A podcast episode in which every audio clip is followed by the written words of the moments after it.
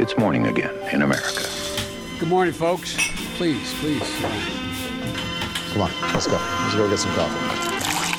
Thank you very much. Det er tirsdag 24. april, og morgenkaffen fra amerikanskpolitikk.no er servert.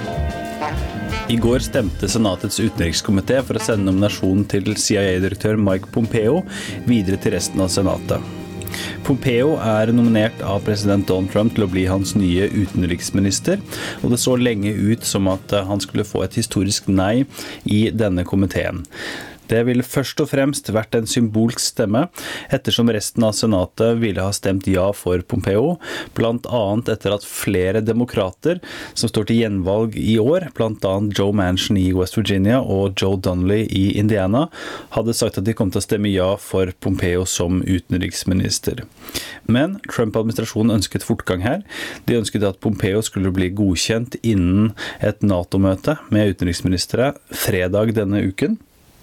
Det ser ut som blir tilfellet, og grunnen til det er senator Rand Paul, replikaner fra Kentucky, som tidlig sa at han kom til å stemme nei til Pompeo, bl.a. fordi han ikke eh, tilsynelatende støttet eh, Donald Trumps ønske om å trekke styrker ut av Afghanistan, og heller da ikke støttet det Trump tidligere har sagt, at Irak-krigen var en feil. Rand Paul skal ha fått bekreftelse på at eh, Mike Pompeo nå deler Donald Trumps syn, etter samtale både med presidenten og Pompeo selv, og sa da i siste liten at han kom til å stemme for Mike Pompeo. For Rand Pauls kritikere er dette nok et eksempel at han går ut med en posisjon for masse oppmerksomhet, før han senere endrer mening. Ifølge en Gallup-måling så er det kun 37% som mener at president Donald Trump fortjener gjenvalg i 2020.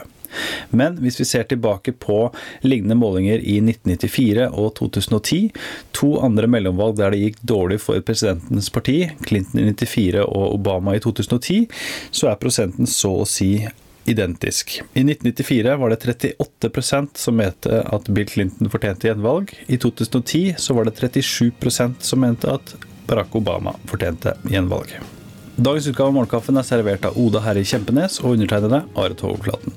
Du leser mer om disse og andre saker på amerikanskpolitikk.no. Hyggelig du hører på, og så snakkes vi i morgen.